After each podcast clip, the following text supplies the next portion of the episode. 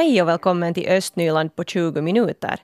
I dagens podcast hör vi bland annat mer om en konstutställning med kända Borgå-konstnärer. Det blir allt vanligare med digitala e-tjänster inom hälsovården. Och den senaste tjänsten kallas Oma Olo. Och den ger Borgåbo möjlighet att själva bedöma hur sjuka de är för att se om det finns orsak att uppsöka läkare eller om man då klarar sig hemma med lite vila under täcke. Och vår reporter Leo Gammas han tog sig en närmare titt på tjänsten tillsammans med Borgåbon Anna Lindberg. Har jag svårt att öppna min mun? Nej. Om jag har svårt att, att svälja? Nej. Borgobon Anna Emily Lindberg har känt sig förkyld ett tag och testar gärna tjänsten Oma Olo på mobilen. Så här om jag vilar, men att om jag lite håller på så kanske jag nog ändå blir lite andfådd. Jo, det har jag. Nacken är sjuk. Så eh, fungerar det lite så att om jag där hemma känner att jag börjar bli förkyld eller, eller det är någonting som trycker i bröstet så skriver jag in de här och, och ger min bedömning. Till vem går de här svaren sen? Vem är det som läser dem i andra änden? No, vi har olika versioner. Om det är så att du har bara lite, lite näsan rinner, lite sjukt i halsen men inte någon feber eller något sånt, så får du bara instruktioner att hur ska du kunna liksom, behandla dig eller sköta dig där hemma. Men sen om du har haft feber flera dagar eller där är något annat som, som är lite mera allvarligt, ja, så, så skickar man den till hälsocentralen. Och där är sjukskötaren som tar emot den och läser igenom och, och ser sen att vad ska man göra. Och oftast är det i sådana såna fall så att eh, kunden far till hälsocentralen och slipper lite snabbare till mottagningen. Men sen om det här urinvägsinfektion så kan man få en elektroniskt recept till apoteket utan att man behöver, eller man behöver inte ringa till hälsocentralen. Säger projektchef Jana Forslund och i Borgå är tjänsten kopplad till Nese hälsostation. I praktiken ska väntetiden försnabbas genom att hälsovårdaren eller sjukvårdaren kan förkorta den första intervjun som redan då finns i din egen hälsobedömning som du har skickat på förhand. Digitala e-tjänster av det här slaget ska också minska antalet onödiga besök vid hälsostationerna och spara in pengar för samhället. Jo, i början av det här ODA-projekten så räknade de att det skulle vara 17 euro per invånare i ett år. Att det menar nu ganska stora sparen också. Säger Jana Forslund. Det är tills vidare klienter med förkylning, problem med urinvägarna eller smärta i nedre ryggen som kan göra en bedömning av sina symptom. Men kategorierna öron, hals, axel, hosta och knä samt en allmän symptomsbedömning kommer senare i vår. Eh, hur, hur pålitligt är det här, det här testet när jag, när jag fyller i och sen får de här svaren? Att hur bra kan jag lita på de här? Uh, nu kan du lita på 100 procent. Att det, det klassifieras som en taas lääkinnällinen laite. Medicinskt verktyg? Ja. Nu kan du lita på vad den säger. Och det är också liksom då Dekims ansvar att sköta om att allt fungerar där. Och så det här att om mina symptom kom tillbaka efter att de redan hade blivit bättre och det stämmer. Och så trycker jag på skicka. Och då laddar den. Och så säger den att jag ska äh, genast ta kontakt med jouren. Så kan man se här. Just det. Så då fick jag ganska bra svar. Vi håller den öppen en ja. stund. Vad, vad, vad, tyckte du om den här servicen? Jag tycker den var egentligen jättebra för att jag, jag, jag, det är ofta som jag sitter och tänker på att, att är jag nu tillräckligt sjuk för att fara till, fara till läkaren eller är det här något som går förbi och sen är det, blir det frustrerande om man sen åker och så får, har man suttit länge och köat så får man veta att inte behövde jag alls komma. Så det här var ett ganska bra svar nu. Nu vet jag att jag borde fara till läkaren. Och det konstaterar här Anna Lindberg. Just nu så är det endast Nese hälsostation som är med i Oma Olo, men Borgå sjukhus har också avsikter att ansluta sig till tjänsten i ett senare skede. Och det är alltså den finska läkarföreningen Duodekim som ansvarar för innehållet i den här Omaolo-tjänsten. Så när man skickar sin bedömning så får man alltså ett automatsvar med en rekommendation inom några sekunder. Den 5 mars till 5 maj så ställer Galleri Nessegård i Borgo ut konstverk av åtta stora Borgo-konstnärer. Och det är konstnärerna Kimmo Varjonens, Stig Fredrikssons, Lennart Segerstråles, Karin Åke Hellmans, Tor Lindros, Tuomas Renvalls och Juhani Linnovaras verk som ställs ut. Och enligt galleristen Hanna-Karina Syrjäläinen så har den här utställningen stor betydelse för konststaden Borgo. Borgo som konststad börjar redan alltså med Edelfelt och Wallgren. Och det fortsätter alltså hela tiden. Så den här utställningen vill vi, vill vi påminna faktiskt att det här konstnären har varit här, alltså levt här, skulle jag säga, från 1960 till 1990 2000 och så vidare. Och de alla har älskat Borgo, Bor, Borgo. Och det finns många Borgo, sådana Borgo-foto eh, och så vidare som har målats. Och de är så jättefina.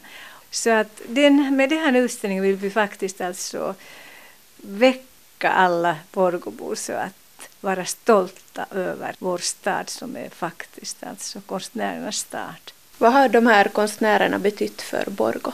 Därför de har älskat Borgo, de har målat Borgo och de har le levt här, de, de har levt tillsammans och de har varit tillsammans stolta över den här lilla staden och eh, också pratat i Helsingfors överallt i världen så att de bor i Borgo som är kulturens huvudstad i Finland. På det sättet som de har gjort det alltså redan historiken. Och jag hoppas det fortsätter nu så att vi ska ha ett konstmuseum och så vidare så att vi kan vara stolta över Borgå igen.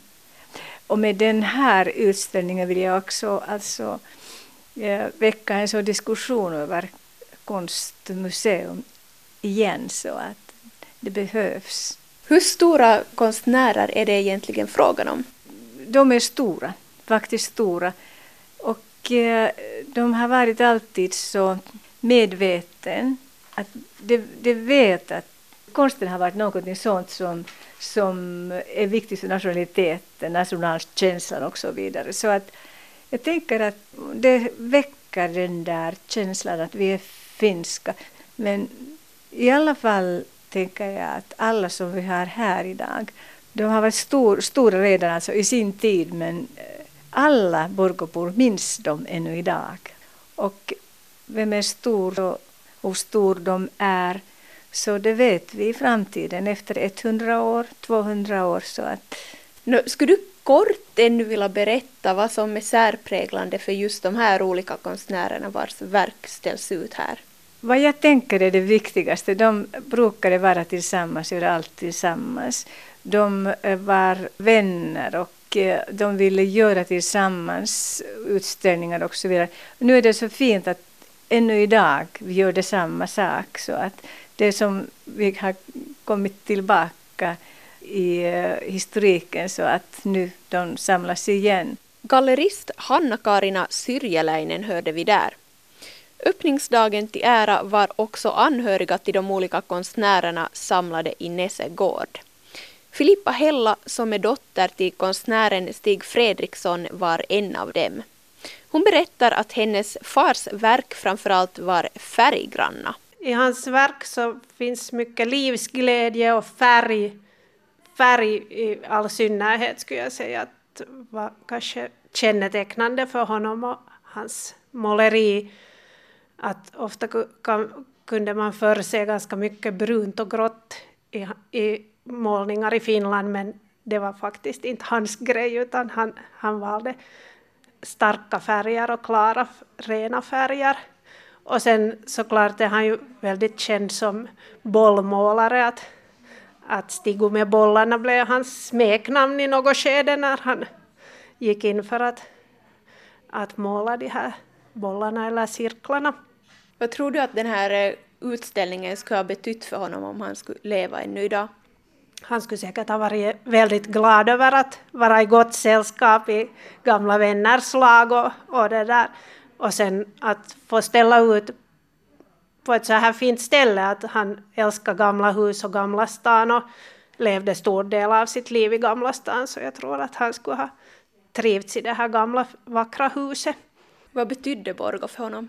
Borgo var nog viktigt att han, fast han såklart studerade i Helsingfors och tidvis bodde i Helsingfors så, så det där Borgo var nog alltid nummer ett att han, han var Borgos konstnär med stort B i allra högsta grad. Att, att lite sådär som Ville Wallgren som tyckte att det finns två städer i världen och, och det är Borgå och Paris och just i den ordningen. Och vi hörde här Filippa Hella som är dotter till konstnären Stig Fredriksson och reporter var Hedvig Sandell.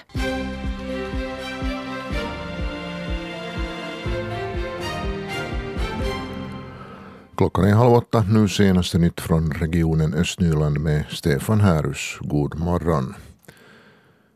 I Fagersta, Vålax, Grännäs och Gäddrag i Borgå fortsätter invånarna att engagera sig för bättre vägar. I december arrangerade invånarna en bypromenad där man ville lyfta fram trafikmässigt problematiska platser.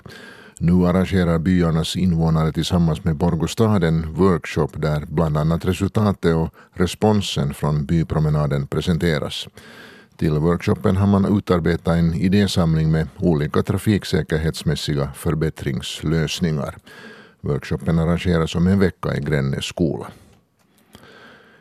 Intresset för ämnet livsåskådning har ökat i de svenska skolorna i Borgo. Det här har lett till ett behov av att se över hur ämnet arrangeras.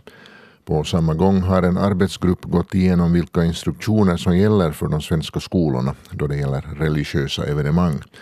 Bildningsnämndens svenska utbildningssektion bekantade sig igår med arbetsgruppens rapport över förslag till förbättringar.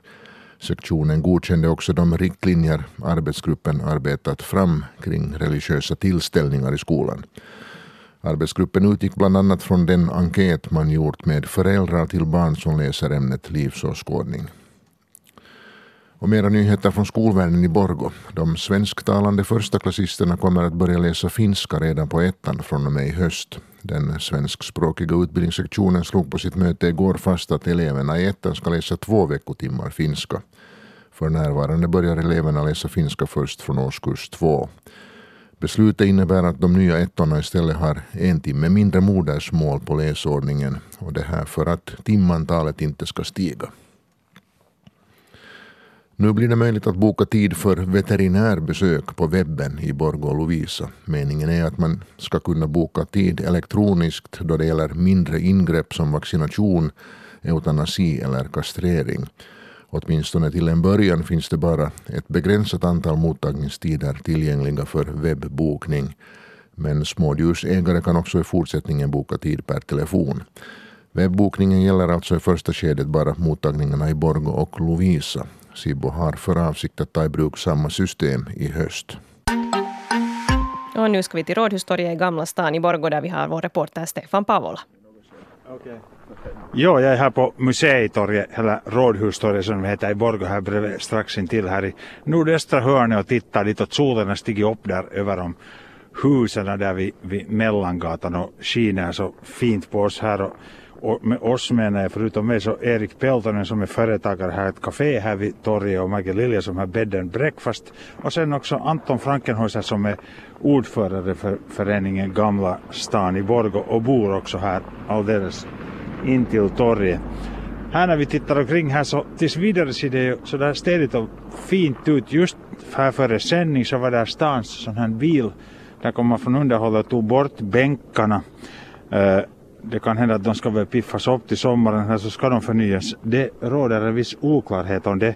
Men enligt de uppgifter vi har nu så, så tror det vara så att man kommer att enbart i sommar att göra förbättringar där på Gabriel Hagerts, Hagerts gränd där bakom museet.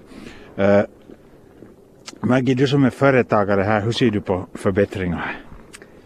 Vad de hålls i gammal stil så är det bra med förbättringar och uppehåll ska vi säga. Att, att man håller rent och fint och städigt och, och att allt är i skick. Håller man rent och fint? Nå, ganska lite. Ganska sällan. Här man ser till och med nu genom snön där vid de här bänkarna där uppe vid, vid, vid det där vid museet, där vid det där Holmska museet.